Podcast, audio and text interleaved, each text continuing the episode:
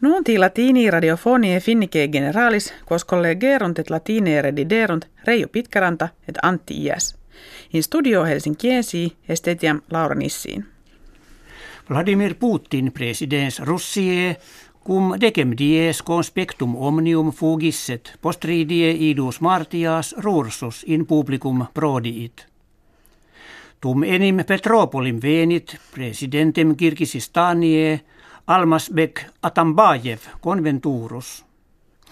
Ita susurrationibus crepris kve de sorte eius dissipari keperant tandem finis est factus. Ille kvi bona valetudine uti batur, diurnari is vita inquit sine rumoribus tristis est.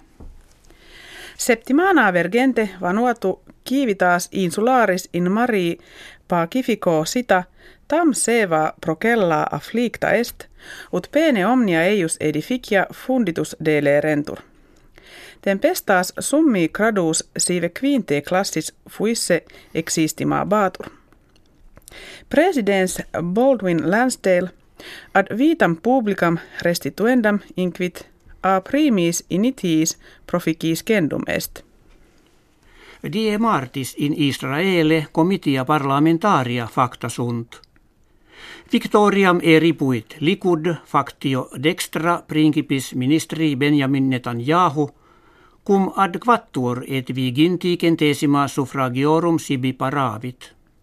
Fedus sionistarum, quod cum likud de principatu kertabat, cladem accepit, sententiarum unde viginti fere centesimis sibi conciliatis. Copia carbonei dioxidati in aera emissi anno proximo non jam aucta est ut ex ordine ab energia mundi narratur. Qui nuntius ecologis eo gratior et acceptior est quod tales emissiones his quadraginta annis continenter fere creverunt. Condicio rerum nova in primis sinensibus tribuenda est, quippe qui pollutionibus aeriis diminuendis in pensam operam dediderint. Papa Franciscus Septuaginta septem annos natus aitse idem facturum esse ac predecessor Benedictus sextus decimus.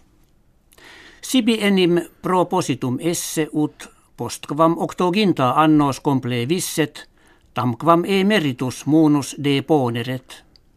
Antea pontificibus Romanis moris erat in sancta sede apostolica tamdiu manere quod diem supremum ob irent.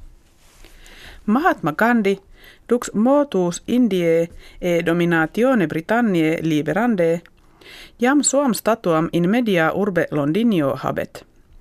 Pridie enim idus Martias monumentum eius in area parlamentari collocatum ritu solemni revelatum est.